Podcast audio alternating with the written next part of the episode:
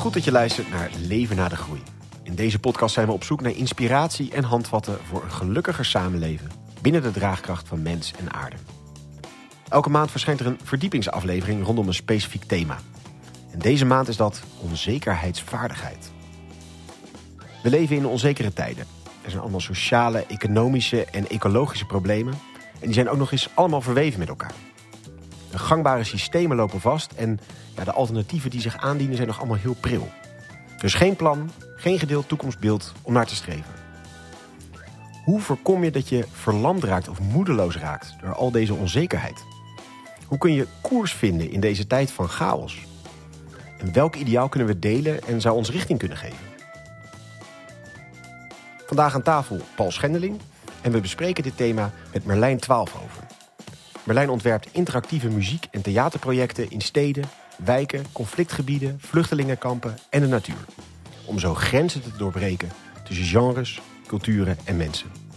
Hij werkt al anderen met het Nationaal Ballet, toneelgroep Amsterdam, de New York Philharmonic.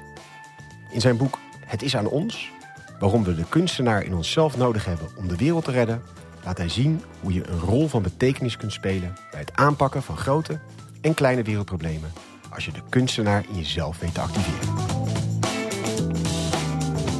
Dag Merlijn, welkom in onze podcast. Ja, fijn om hier te zijn. Mooi, eh, een, een term ook die je zelf geïntroduceerd hebt. De onzekerheidsvaardigheid. Is je droom dat die ooit in het woordenboek terechtkomt? Ja, zeker. Ik denk dat we dat eh, gewoon hard nodig hebben. Ehm, je beschreef eh, de muziekprojecten die ik heb gedaan. En ik heb eigenlijk vooral gemerkt, ja, wat wij als muzikanten doen, of als kunstenaars eigenlijk, wat voor ons natuurlijk is, is misschien wel iets eh, wat eh, bij veel meer mensen eh, ja, aan de orde is of nodig is. Sterker nog, we kunnen misschien wel helemaal niet veranderen zonder die kunstenaar in onszelf echt ja, aan te spreken. Mooi, gaan ontdekken wat dat is. En ook of dat ook iets is wat weggelegd is voor mensen die zichzelf misschien niet als heel kunstzinnig beschouwen. Ik ben benieuwd hoe je daarnaar kijkt. Allereerst, ik schets net zo even ja, in hele korte zin alle problemen van de wereld. ecologisch, economisch, ehm, sociaal. Die problemen stapelen zich op. Herken je inderdaad dat er zoveel problemen zijn en ook die onzekerheid die daar mee gepaard gaat? Nou ja, in eerste instantie eh, herken ik eh, zaken als machteloosheid en eh, woede. En ik, ik zie dingen die oneerlijk zijn. Ik weet al, misschien was ik tien jaar of zo, was ik zo gegrepen gewoon door het idee van dierenleed. Eh, met name de bio-industrie, eh, walvisvaart, eh, al weet je, van die, van die industriële machtige machines. Die dan die prachtige dieren allemaal gingen, ja, gingen vangen, vermoorden, et cetera. Nou, dat, dat zijn eigenlijk het soort van emoties waar ik mee rondliep. Ehm, ja, maar ja, die, daar, daar kom, je, kom je mee klem. Eh, want die machteloosheid, ja, er zijn heel veel redenen om dus ook dat bevestigd te zien. Te zeggen, ja, we zijn ook machteloos. En het is te groot voor een nou, persoon. En die persoon kan dan heel hard eh, zijn best gaan doen voor een goed doel of eh, voor nou, iets, voor, voor kleine dingen. Maar vroeg of laat, ja, zinkt een moedje in de schoenen. Stuit eigenlijk je idealisme een beetje op de grenzen van het realisme. Ja. Je realistische werkelijkheid klapt in en Nou, en dat lijkt dus een tegenstelling, hè? idealisme en realisme. En dat is ook eigenlijk hoe ik ben, eh, wat ik ook te horen kreeg toen ik als kind, eh, ik was dan vooral met Greenpeace bezig en met andere manieren echt om de, de, de dieren te beschermen. Van oké, ja mooi hè, dat idealisme, leuk, heel goed. Maar, nou dan komt er Ja. altijd ook een verhaal van, ja, je hebt ook gewoon deze wereld, je is ook een realisme. Je moet je ook niet, het, het werd ook bijna gezien als gevaarlijk ja. om te idealistisch te zijn. Want eh, vroeg of laat zul je dan natuurlijk heel bitter worden of heel teleurgesteld raken. Ja, en, en ook misschien wel een deels ook dat idealisme ineffectief is. Van, je moet ook een beetje realistisch zijn met elkaar. Nou, het is ook eigenlijk geen compliment als mensen zeggen van wat ben jij een, eh, een dromer. Zo, toch? Inderdaad, ja. Herkenbaar. En er wordt ook altijd een beetje gezegd op een toon van... als je maar wat ouder bent, dan leer je het wel weer af. Ja, ja, ja. Oh, dan moet ik even graven naar die prachtige uitdrukking van als je eh, onder de 30 niet progressief bent, dan uh, heb je geen hart. Heb je geen hart. en als je boven de 40 niet conservatief bent, heb je geen uh, hersens. Ja. Zoiets. Ja, precies. Ja, een uitdrukking die overigens toegeschreven wordt aan Churchill, maar Churchill was al jonge leeftijd al heel rechts. Dus dat, Kijk. dat geeft aan dat het voor hem nooit een toepassing zal zijn. Nou, en die tegenstelling, daar geloof ik dus niet meer in. Ik Hm. geloof, en daarom vind ik het, het zo mooie, dat, dat kun je eigenlijk, eigenlijk leren van nou, mensen die, die, die zeilen op zee, die hebben echt beide dingen zijn essentieel. Zowel het realistisch hier met je ogen open, die zeilen in die wind houden, de boot op koers zetten en kijken nou ja, of er ondiepte zijn enzovoort. Maar ook dat kompas. Hm. Zonder kompas oh, ja. kom je nergens. Want je zintuigen zijn nooit genoeg om ook echt te weten dat je ja, die echt die, die verre, uiteindelijk die bestemming nog kan bereiken. Um, dus die twee heb je allebei nodig. En ik heb nu het idee dat we uh, ja, ook in de samenleving... sommige mensen zijn misschien heel erg met het kompas bezig... en vergeten totaal dat toch dat, dat, dat navigeren, dat koersen... Uh, dat het daar gebeurt natuurlijk. Maar er zijn nog veel meer mensen vooral bezig... om die, dat schip lekker te laten varen... zonder zich af te vragen, waar gaan we in hemelsnaam heen? Als je kijkt naar de, de tijden, dan zeg je net al... in je jeugd had je al die passie voor, voor dierenleed bijvoorbeeld... Um, als je nu kijkt, is die onzekerheid nu voor je gevoel groter ten aanzien van de tijden? In ieder laat ik voor mezelf spreken. Ik heb het idee dat ik me veel meer bewust ben van de manier waarop naar allerlei stelsels in Nederland al stuk lopen. Hoe oude instituties niet meer antwoorden geven op de vragen die we hebben. En dat twee, gewoon de uitdagingen nog vele malen groter worden. De enorm verbonden wereld, waar alle thema's ook grensoverschrijdend zijn geworden. Het voelt voor mij grootser en heftiger en alomvattender. Dus voelt die nietigheid ook sterker. Ja, nou, de, en daarin is het wel mooi om inderdaad te kijken. Een kunstenaar die kan zich helemaal verliezen in een detail. Mm -hmm. Je hebt kunstwerken die gaan eigenlijk over, nou ja, uh, misschien een mooie foto van een mo mosje of een slakje of zoiets. Dat kan een kunstwerk worden. Uh, ja, of een observ observatie van een vluchtig moment. Zo'n impressionisme, wat dan gaat over zo'n moment van schemering of juist een zonsopkomst. Zo'n heel vluchtig moment waar die kunstenaar van denkt van... Oh, ik zie het, ik ervaar het. En dat gaat over dus hele kleine momenten of hele kleine details van het leven. Maar om daarin vervolgens een veel groter verhaal te ontdekken. Hm. En ook te zien hoe die kleine zaken staan voor iets groters. En om daar dus betekenissen uh, uh, aan, ja, aan te verbinden. Dat is de kunst, denk ik. Dat is kunst. Hm. Um, dus dat eigenlijk het, het, het, heen en weer gaan tussen het, misschien het, detail en het grote verhaal. Um, dat hebben we denk ik heel erg nodig in deze tijd. En dat is ook weer dat kompas. Uh, weten uiteindelijk van waar gaan we uiteindelijk heen. En tegelijkertijd ook van ja, maar op dit moment, kijk, staan die zeilen wel goed? Of zit er een ondiepte? Of zijn we ons bewust van een soort stroming die misschien in het oog helemaal niet zichtbaar is, maar die ons toch bijna onmerkbaar een bepaalde kant op, uh, op beweegt. Dus die, die twee aspecten hebben we nodig. En ja, de, het begrip onzekerheid, dat kwam natuurlijk in de coronatijd heel erg binnen. Um, waarbij ik me ook enorm verbaasde eigenlijk dat... Uh, ja, ik, ik, ik, had eigenlijk te doen met uh, onze politici. Die kregen dan het ene moment uh, te horen van... ja, vertel nou eens precies hoe het volgende week is... en hoe het over een maand is, waar we aan toe zijn. Ja, en vertel dan nou precies...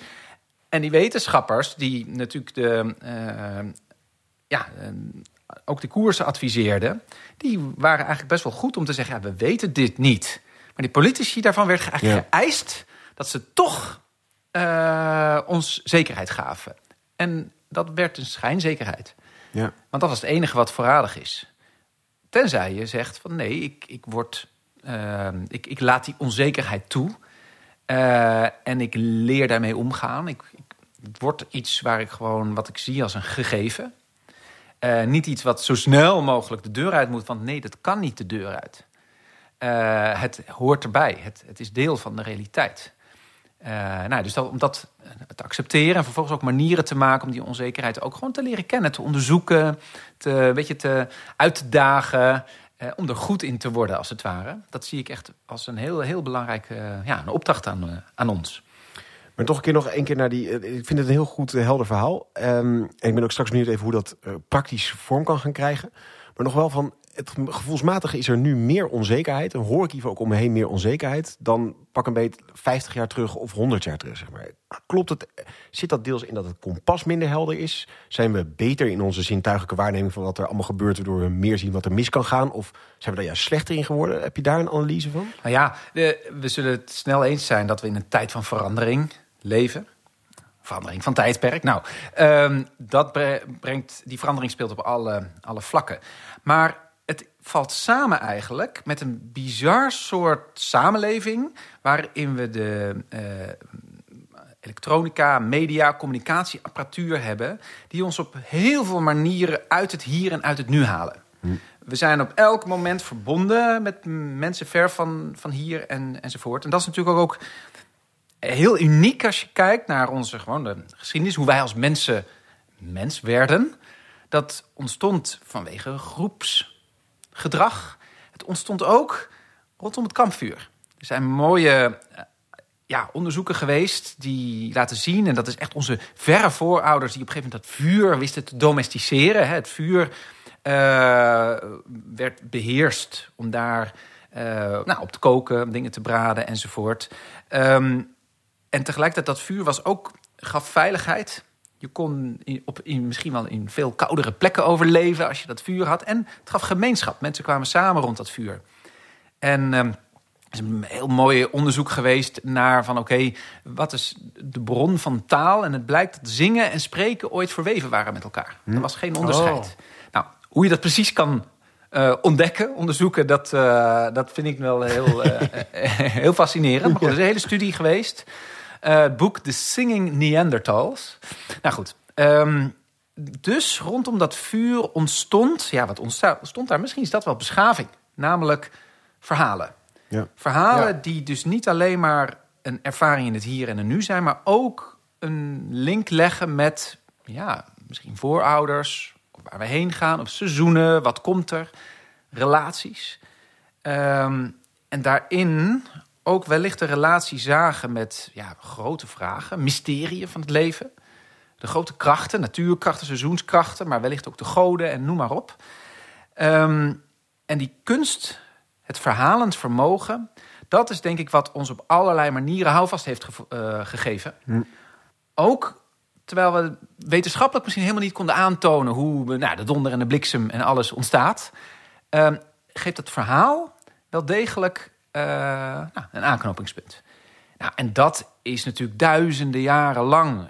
Ja, is dat ook de, de manier van je vermaak? Uh, S'avonds kom je, kom je samen, je ontmoet elkaar. En, en pas net een paar generaties hebben we natuurlijk alle televisies in de huiskamers. We, we, wonen niet meer met generaties samen.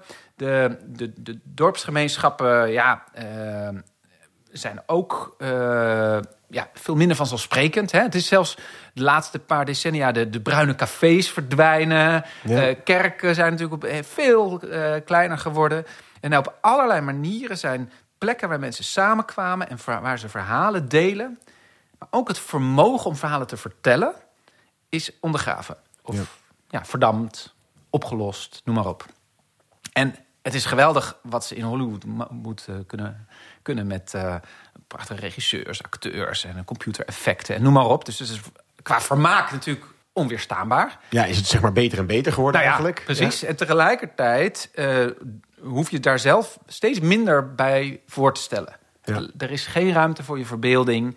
Uh, en daarmee is er, zou je bijna kunnen zeggen, het is niet meer een relatie die je hebt met zo'n verhaal. Maar het is veel meer een soort transactie. Ja. Uh, en je dat, bent echt toeschouwer. Je bent echt toeschouwer. Het is, gaat ook niet over ons of over hier of over nu. Hè.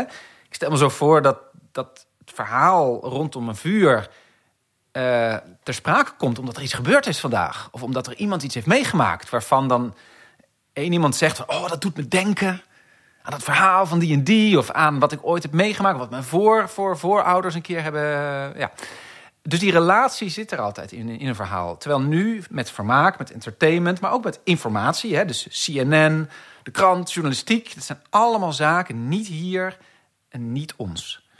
Ja, je zegt eigenlijk twee dingen. Ja, inderdaad, de problemen zijn groter. En eigenlijk zijn ook onze middelen om met elkaar daar een verhaal over te vertellen... en een bepaalde manier dat te benaderen, is ook minder geworden. Dus in die zin zitten we in een ultiem negatief punt in die zin. De grote, grotere problemen dan ooit en eigenlijk Ja. de minder tools dan ooit. Ja, die daar- problemen zijn versnipperd. Ja. Het zijn allemaal issues. En zo worden ze ook gepresenteerd hè, in de krant en op het nieuws. Nee, je hebt dit item, dit item, dit item, dit item.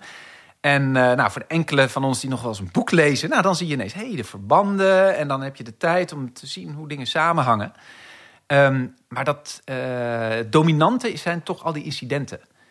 Ehm, en die incidenten die vertellen ons ook dat we er niks mee te maken hebben. Dat we ons misschien ook geen zorgen hoeven te maken. Eh, weet je, alle misstanden die er rondom alle producten zijn, hè, die we kopen. eh, De, overal kun je wel ergens een misstand. Er zit slavernij in, er zit milieuvervuiling, er zit uitbuiting. Ehm, maar ja, dat zijn losse items en issues die je hoort. Ehm, en ja, de- de- het verband tussen die zaken is in die zin eh, ja, eh, ver te zoeken. En dat maakt dat wij ook, eh, ook zwemmen. Ja. Zwemmen.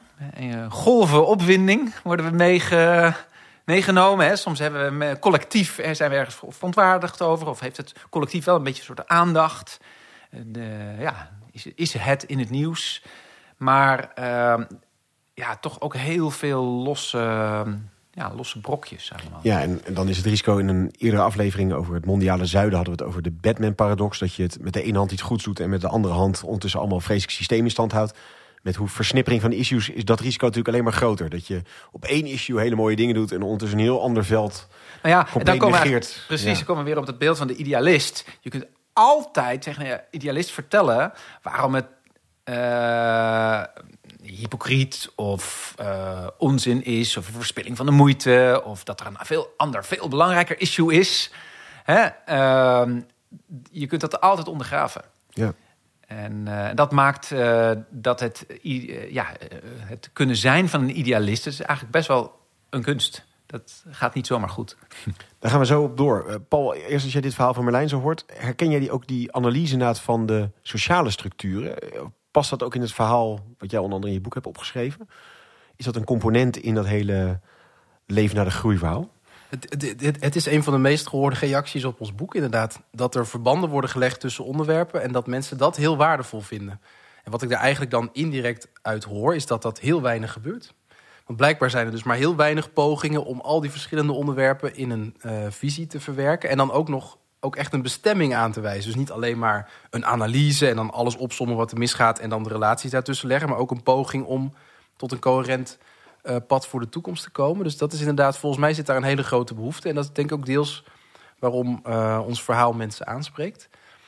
En ik had ook nog een vraag, eh, Merlijn. Want wat, wat is het in mensen, denk je? Want je vertelde heel mooi over de prehistorie. In dat kampvuur en dat mensen de, de neiging hebben om dan ook in hele onzekere omstandigheden daar een verhaal van te maken. Ik, ik zag ooit in een BBC-documentaire het voorbeeld dat eh, de muurschilderingen in de Franse grotten... dat die zijn gemaakt in een verschrikkelijke tijd. In een soort kleine ijstijd. Dat eigenlijk mensen op het punt van uitsterven stonden.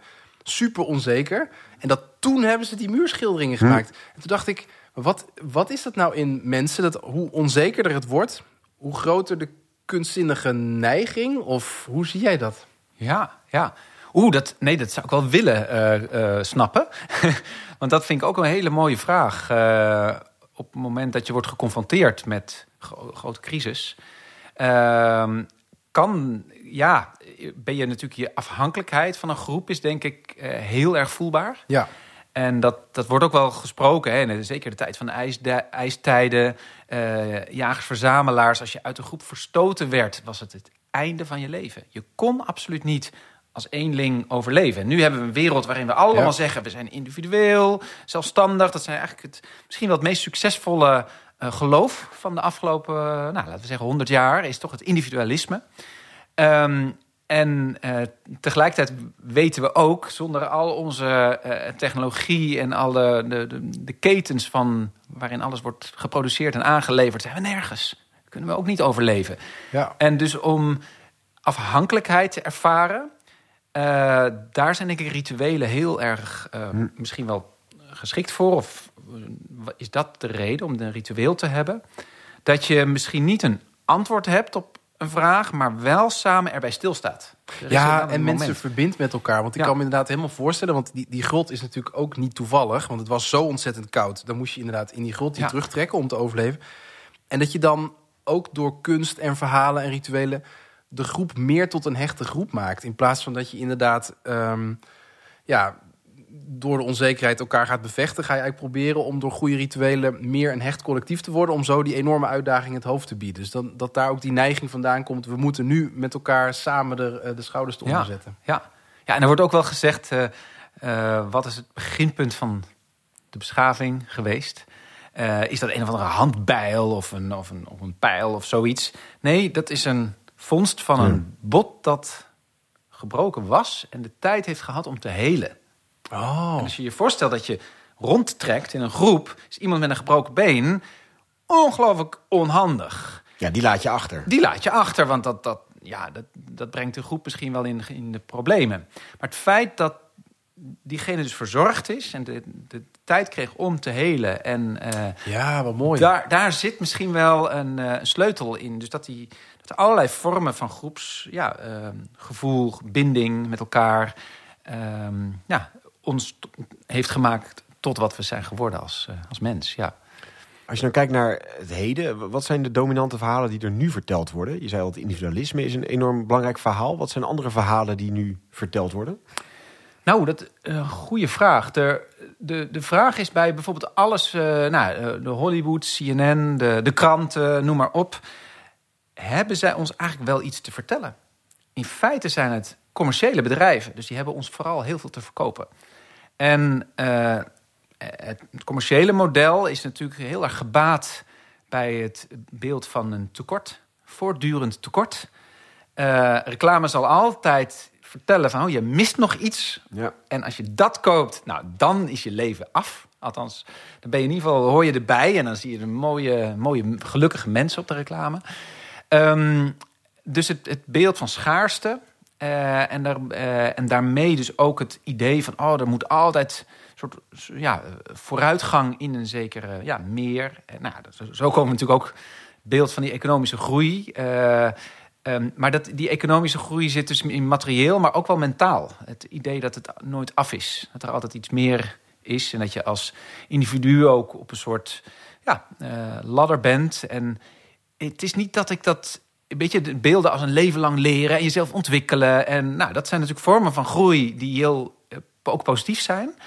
Maar het heeft zich ook echt vertaald, zeker, samen met een soort die enorme flexibilisering van de arbeidsmarkt, wat je, hoe, zoals je dat noemt, ehm, in een soort nooit genoeg zijn. Nee. Dat het altijd meer moet, dat je altijd naar next level, eh, tandjes erbij, je reputatie, je netwerk. Je, ehm, en zo zijn ehm, allerlei ja, prestatiefactoren die eh, ja, op je werk heel succesvol zijn, eh, eh, gaan ook helemaal de privésfeer in. En uiteindelijk sta je altijd aan. Ja. En dan wordt ook gezien als, als je vakantie hebt of het is een vrije dag, eh ja, ze opladen, Ja. bijkomen, opladen. Want het werk, daar, dat is zeg maar waar het om gaat. Ja. En dat is tegenovergesteld van een aantal generaties geleden of een paar eeuwen geleden. Ja, zeker. Waar je de, de feesten had. De, de jaarfeesten, de oogstfeesten, maar ook de religieuze feesten. En nou, een zondag, vieringen. Dat was de waarde van het leven. Daar zat de essentie, daar gebeurde het. En daaromheen moest je ook van alles. deed je gewoon je werk. Ehm, maar de hoogtepunten, dat zijn Ja.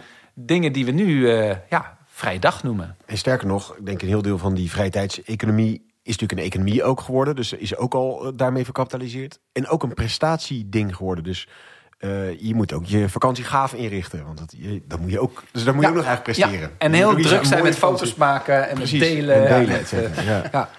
Hey, en die zegt, nou, dat is het dominant verhaal. Nou, mooi, dat is natuurlijk het, het, het motto van deze podcast inderdaad ook een gelukkiger samenleven binnen draagkracht van mens en aarde. Dat gaat ook inderdaad heel erg over dit vraagstuk ook, dat die menskant van hoe putten we onszelf ook heel erg daarin uit.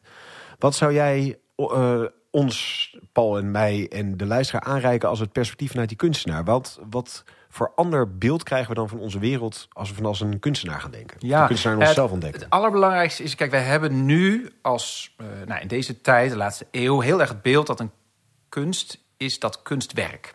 En dat is iets wat is uniek, het is duur, het is zeldzaam, daarom is het gaaf. Nou, en zo worden de recensies in de krant gezet. Zo worden de aankondigingen gedaan. Er komt een uniek iemand er komt optreden. Dus koop een kaartje. En eh, in het museum is het heel mooi en netjes en op orde. En dan hangt er in een lijstje iets bijzonders. Terwijl als je je voorstelt wat het, eh, hoe kunst tot stand komt...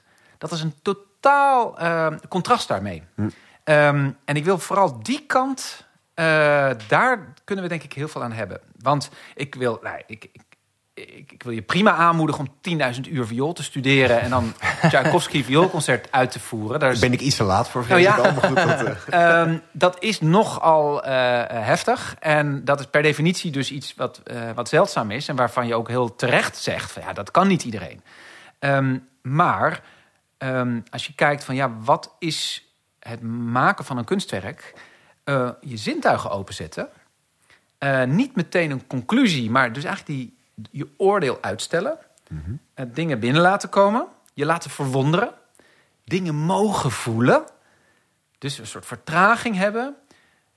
Dingen mogen voelen die complex mogen zijn. Waar je dus niet meteen een labeltje op kan plakken. Maar die, nou, misschien wel een beetje onprettig of een beetje mysterieus nou, enzovoort.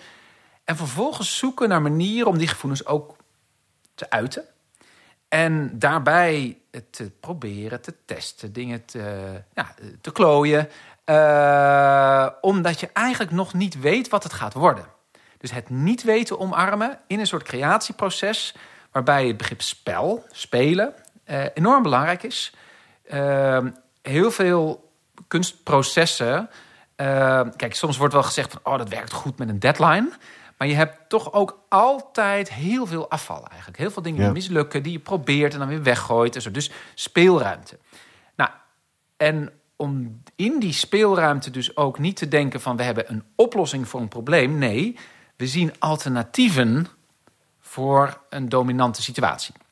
Dus de verbeeldingskracht wordt aangesproken... om eigenlijk de vraag te stellen van... hey, kan het ook anders? En kan het ook nog anders? En nog anders? Nou, dat is een vorm van spel.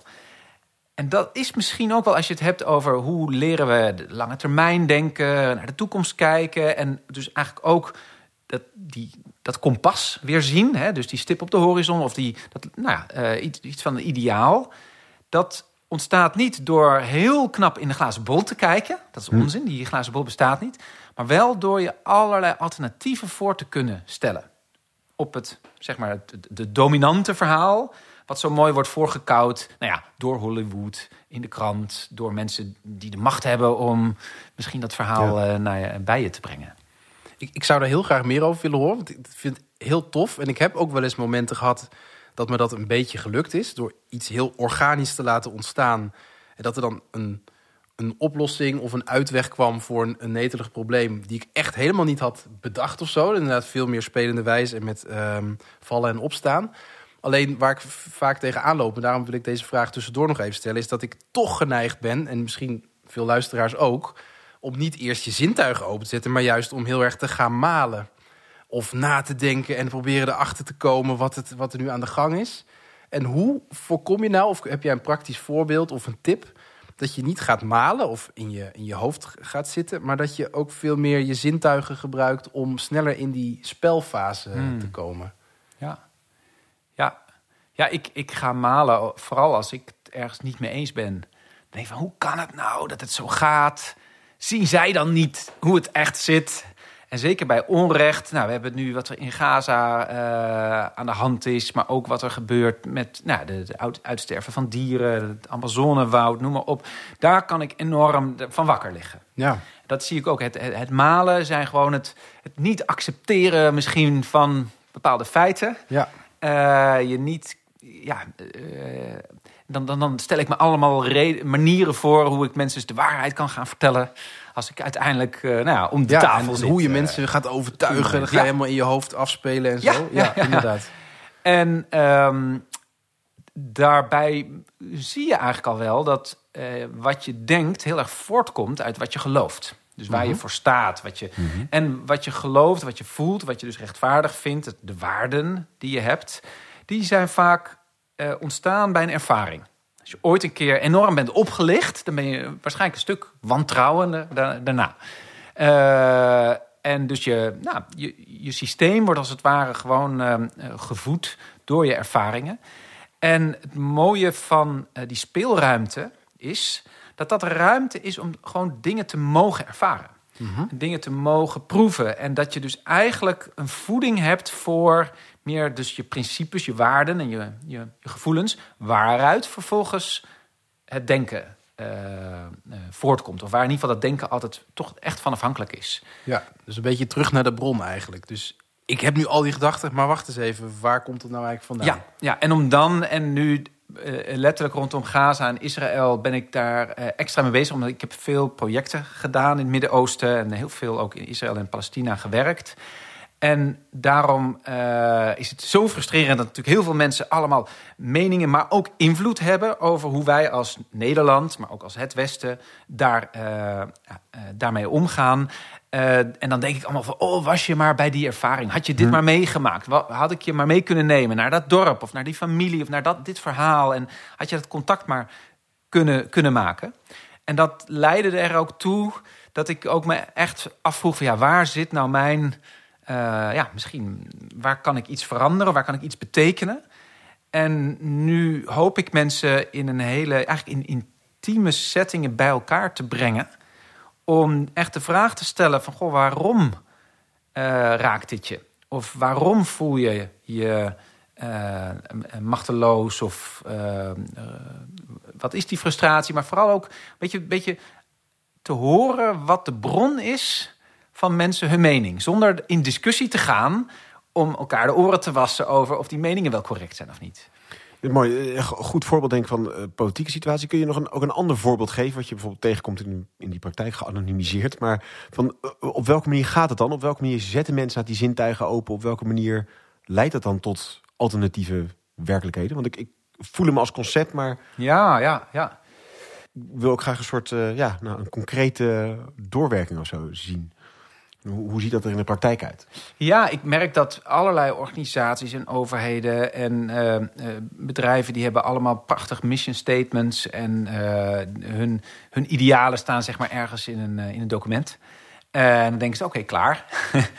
en um, in nou, ontmoetingen, en dat kunnen dus ook... daar kunnen artistieke vormen een hele mooie rol in, in spelen kun je echt uh, losse woorden die mensen heel makkelijk gebruiken, uh, de ruimte geven, zodat ze ineens niet meer zo vanzelfsprekend klinken. Uh, een, een, woord als, nou ja, roepen ze iets. Wat staat er in gemiddelde mission statement? Nou, sustainability of ja, eerlijkheid of ja, duurzaamheid. Maatschappelijk betrokken. Ja, ja, ja. Om te kijken echt van, ja, uh, uh, hoe ruikt dat? Of hoe voelt dat? Of welke kleur heeft dat? Uh, en kan het een symbool worden? Kunnen we dat gaan, gaan uitdrukken? bijvoorbeeld in het geval, geval, van onzekerheid is het heel mooi om met mensen te improviseren. muziek te maken, terwijl we zeggen van oké, er zijn maar een paar regels, maar er is dus ook heel veel onzeker. Um, en dan merken mensen meteen al, want ik heb wel eens dat ik in eerste instantie mensen vraag van, goh, ik heb, je hebt allemaal een instrumentje, uh, speel eens wat. Nou, dan klinkt het een soort chaos. En dan vraag ik daarna, oké, doe het nog een keer. Ik geef jullie één aanwijzing. Luister eens. nou, dan zou je denken, nou, die aanwijzing voegt weinig toe, want het is toch vanzelfsprekend. Maar alleen al de uitnodiging voor mensen om te luisteren betekent dat het niet zomaar begint, maar dat ze even een beetje op elkaar gaan letten zijn. Begint iemand met iets wat zacht is, en omdat ze luisteren, horen ze ook meteen van... oh, dit is misschien een manier om het op te bouwen. We, we hebben een soort van hoogtepunten, daarna sterft het weer mooi uit... of het is een soort einde. Kortom, zijn allemaal regels die we eigenlijk wel kennen... want we hebben al die muzikale regels, die zitten gewoon in ons systeem. Maar puur door de uitnodiging om te luisteren... zijn mensen ineens, en daar schrikken ze zelf van... van, oh, dat was heel mooi. Hoe kan dat eigenlijk? en dan, omdat ik dus niet heb verteld wat ze moesten doen... maar vooral hoe...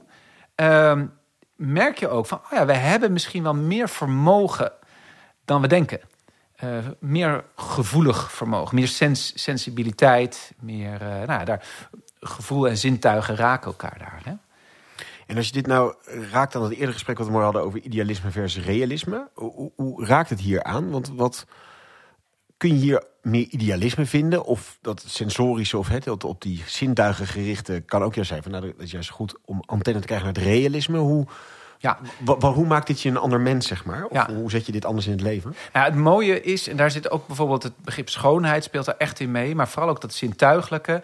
Als je de waarde ziet en dus ook zeg maar de waarde waar je je eigen systeem op hebt gebouwd, en je overtuigingen, je geloof. En als je dat ineens ziet in iets wat misschien wel voor je ligt, of wat in je omgeving is, of wat in een bepaalde relatie zich afspeelt, je herkent dus eigenlijk in iets alledaags iets groters. En in iets, eh, nou, misschien in iets vluchtigs ontdek je wel iets van, oh nee, maar dit is een, ja, eh, ook inderdaad iets groters in de tijd. Ehm, dat kan een, eh, een enorm inzicht zijn. Kan een enorm, eh, want dan zie je eigenlijk dat, kijk, op het moment dat ik de krant lees, dan zie ik allemaal redenen om verontwaardigd te zijn. Want ik vind allemaal dingen oneerlijk, onrechtvaardig, eh, of ik zie daar eh, vriendjespolitiek of machtspelletjes achter. Terwijl op het moment dat ik iets zie in, in mijn fysieke omgeving, waarvan ik merk van, oh, dus dit zit hier scheef. Dan ben ik meteen eigenlijk ook niet alleen geroepen, maar ook verantwoordelijk om daar iets aan te gaan doen. Dus dat handelingsperspectief wordt eigenlijk geboren in toch je, nou ja, dat klinkt als een open deur in je invloedssfeer, maar die invloedssfeer is toch je, vaak Ja. je, de plek waar je bent, je omgeving, de mensen om je heen. Ehm, en het mooie is dan, want we worden heel vaak natuurlijk geconfronteerd. Ehm, en dat vind ik ook wel een uitdaging. Hè, met eh, van hoe gaan we de consument opvoeden. Hè? Dus eh, oh, heb je wel ah, energiebesparing en recycling. En eh, kies je wel de duurzame producten om te kopen. Maar dat voelt eigenlijk allemaal als een soort corvée. Wat je hebt. En dat corvée is ook weer verbonden met het hele kleine. Hè? Het feit, net als je stemt, ben je maar één stem. Met die, hoeveel hadden we? Hoeveel stemmers? 10 miljoen, 8 miljoen. Ehm, en dat voelt dan ook tegelijkertijd dus heel klein. Terwijl op het moment dat je dus de tijd en de aandacht hebt om een bepaald gevoel, een principe te verbinden aan iets in je omgeving, dan zie je wellicht ook je missie daar. Dan voel je ook van, oh, maar hier kan ik echt iets bijdragen. En dat kan dan ook veel groter worden dan corvée. Dat kan ook echt iets zijn omdat het verbonden is, ook bijvoorbeeld met schoonheid, met waarde. Oh, daar wil ik me graag aan verbinden, want ik zie niet alleen een soort plicht om geen rotsen op straat te gooien, maar het wordt ook gewoon gaaf als we iets gaan doen hier in onze omgeving. Of gaan bouwen, of gaan, gaan kweken, gaan laten groeien. Ehm, ja, noem maar op. En eh, Paul stelde eer natuurlijk al die vraag van, die, die zei mooi van, ik ben snel geneigd om eh, in mijn hoofd te gaan zitten hierin. Jouw verhaal kan ook een beetje voelen als een verhaal van, ja, dit is gewoon voor sommige mensen. Weet je wel, sommige mensen houden ervan om, om in verbinding te staan en mooie dingen te doen en te ervaren. En sommige mensen zijn gewoon iets meer van, die zijn iets meer van het corvée. En die halen ook lol uit corvée, gewoon knallen, geen gezeik, zeg maar. Eh, klopt dat? Is dit een, een, iets wat bij een persoonlijkheidstype past? Nou ja, ik geloof het zeker. Want eh, mensen hebben inderdaad, ze zijn ook goed in. Er zijn mensen die heel goed zijn, dan dingen mooi op orde brengen of mooi verzorgen of mooi. ja, net, net als ook het, het opkomen voor zaken, weet je, gewoon tradities of dingen die waarvan je kan gaan mopperen van oh in deze tijd. Vroeger was het beter. Nee, maar welke tradities zou je nou echt willen koesteren? Of welke spullen wil je verzorgen? Wil je repareren? Wil je eh, nou, het, het, zorgzame in de mensen, denk ik ook iets ehm, om te activeren. En dat is echt heel anders als het, het, het creëren van iets nieuws. Eh, en net als bij het creëren van het nieuws heb je ook misschien een soort pionier, maar je hebt ook iemand die de ruimte moet maken, die een soort voorwaarden kan scheppen, zodat die pionier misschien de ruimte krijgt. Ehm, Maar je zegt dus eigenlijk wel, iedereen moet wel die fundamentele vraag. Ja, moet, maar iedereen, het is goed als Ja, iedereen die fundamentele vraag stelt. ja, dat moet gewoon. Ja, oké, toch wel moeten. Ja, Yes. Ja, nee, stel die vraag. Eh, neem momenten. Eh, zoek ook naar eh, dat die momenten, nou ja, net als rituelen, dat die, dat die een plek hebben. Dus inderdaad, ga met je, met je team de hei op. Maar kijk ook bijvoorbeeld in, in de dagelijkse omgeving. Wat zijn nou de momenten om dat principe wat je hebt, hè, dat ideaal, datgene wat je misschien wil veranderen of waar je voor wil zorgen of wat je wil koesteren, dat je daar ook echt een, dat je dat in die zin ook een soort eh, een plek geeft, afbakend, daar, eh, nou, eh, ja, die afbakening is soms heel goed, want ik, ik, ik heb het wel over spel gehad en je gaat niet meedoen met een hockeywedstrijd... op het moment dat je geen idee hebt waar de lijnen zijn... of waar de doelen zijn. Of hè? hoe lang het duurt. En hoe lang het duurt, precies. Maar juist die afbakening maakt ook dat, dat je je vrij voelt in het spel. Dat geldt denk ik ook voor idealen. Op het moment dat je een, een bedrijf hebt en je bakt eh, nou, misschien heel veel broodjes... of eh, je eh, verzorgt voor iets anders... ehm, dan moet je niet de hele dag bezig zijn met... Ja, is dit wel echt onze, ons grootste ideaal en moeten we dat wel echt zo doen? Nee, je moet ook gewoon lekker, lekker bezig zijn. Maar er moet ook een soort regelmaat zijn in een soort moment waarvan je denkt... oké, het is nu, nou, weet ik veel, eh, woensdagmiddag... of het is de eerste dinsdag van de maand... of het is een, eh, de eerste week van oktober. Dat is het moment waarin we ons andere vragen stellen. En ook echt uitzoomen. Ook echt kijken van, hey, hoe zit dat met dat gevoel waar, waaruit we toch leven? Eh, voelen we wel? Eh, en eh, hoe, hoe, hoe komen die gevoelens voort uit de waarden die ons fundament zijn? En weet je, dat gewoon dat soort vragen. En daar zijn we niet per se goed in, maar ik denk wel dat iedereen het kan. Je kunt gewoon altijd toch gewoon beginnen. En in, nou, misschien een beetje ongemakkelijk, een beetje onhandig. En, en spelen helpt dan enorm. Want het helpt bijvoorbeeld heel fijn als het als iets fictie mag zijn. Als het gewoon, als je in een, eh, een of andere wekelijkse vergadering zit, je hebt gewoon altijd vijf minuten voor totale onzin-ideeën. Of ideeën die meer dan eh, een miljoen kosten.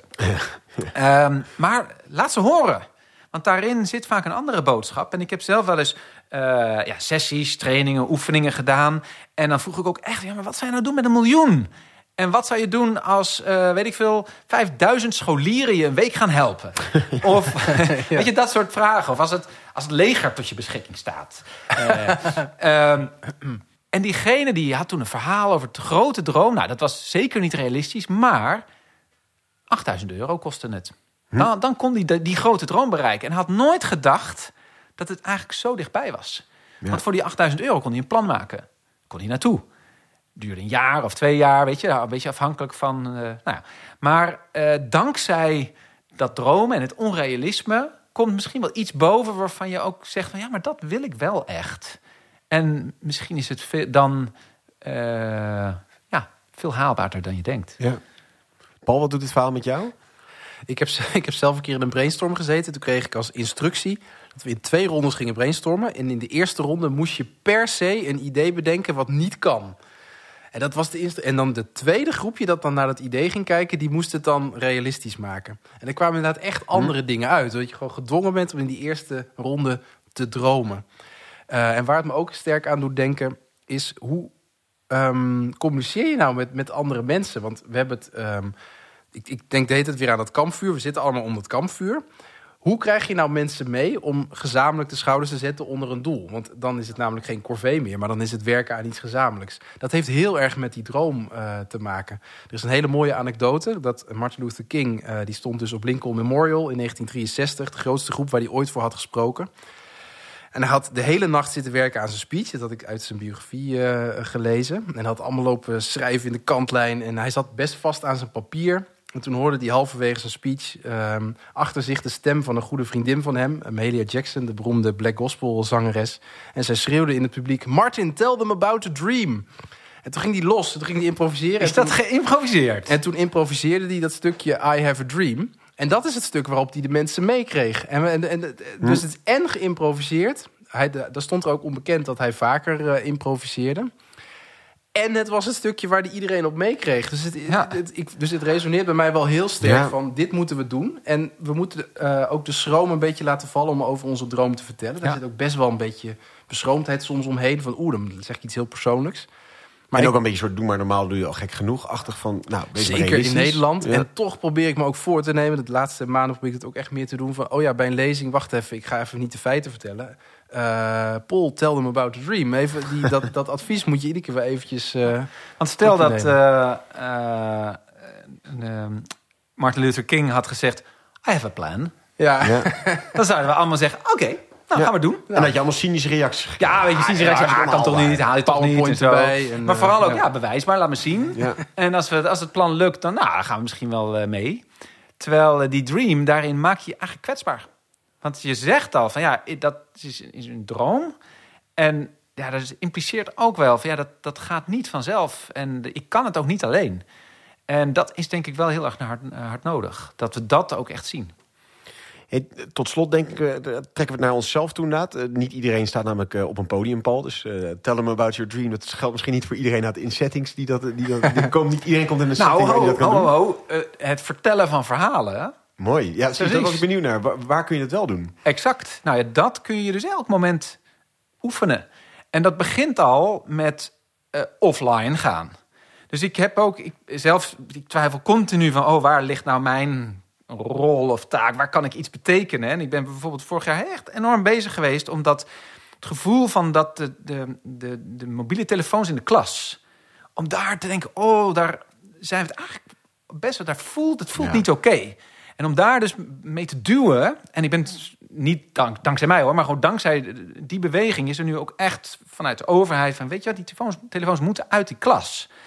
En eh, dat zijn wel, het lijken misschien ehm, eh, dat dat er weinig mee te maken heeft, maar ik geloof dat dat heel essentieel is, de, onze aandacht. Hm. En inderdaad, kunnen we nog verhalen vertellen of weer verhalen vertellen? Wanneer oefenen we dat? Ehm, want het vermogen om te dromen is afhankelijk van het vermogen om verhalen te vertellen. Hm. Een droom bestaat niet als je geen verhaal kan, eh, kan maken. En, en hoe kan ik starten in mijn dagelijks leven om te beginnen met verhalen te vertellen? Want inderdaad, de schroom die Paul terecht denk ik noemt, zullen mensen ook hebben misschien in allerlei contexten waar ze komen. Van ja, Ja. waarom zou ik dit gaan zeggen? Of Ja. Hoe vind ik het haakje om... Nou ja, op het moment dat je iemand ontmoet, en daar zijn heel veel gelegenheden, eh, dan vragen we meestal van: oké, eh, wat doe je? Maar om te vragen van: goh, eh, hoe zie jij eigenlijk deze plek of dit bedrijf of dit idee over tien jaar? Of wat zou nou, hoe, hoe, wat zou nou jouw idee een manier zijn dat het helemaal zou. Wat zou nou de perfecte versie zijn? Eh, of stel, het is in 2050 en eh, jouw kind besluit om hier te wonen. Omdat dit de beste plek is om weer een volgende generatie op te laten groeien. Waarom is dit de beste plek? Eh, nou, ik bedoel maar, gewoon vormen van... ja, mensen toch een beetje uitdagen op, op dat droom, dromen. En dat is ook soms heel grappig. Ik denk dat je ook eh, heel leuk elkaar kan versieren eh, om te vragen: wat doe je met een miljoen? Of hoe zou je, stel je, eh, je, je hebt een dag, ben je de baas van Nederland. Hoe zou het er dan uitzien? Of je mag, je mag twee wetten doorvoeren. en iedereen gaat het, het staat gewoon in één klap in, liefst grondwetten.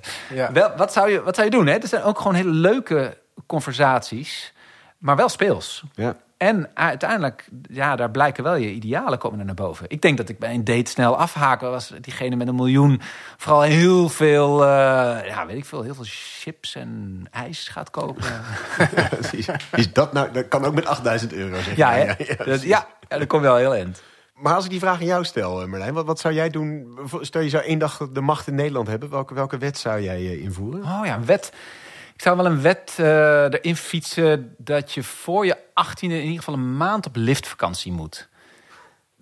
Want liften, jezelf dus eigenlijk... eh, ten eerste, je bent afhankelijk van anderen. Dus je bent ook, je ziet ook dat er mensen zo- zonder een, eh, dat ze daar iets aan verdienen voor je stoppen. Hè? Dat is ook echt Ja. een ontdekking, echt een ervaring. Van wauw, die mensen die, ik hoef niet te betalen, ik mag mee.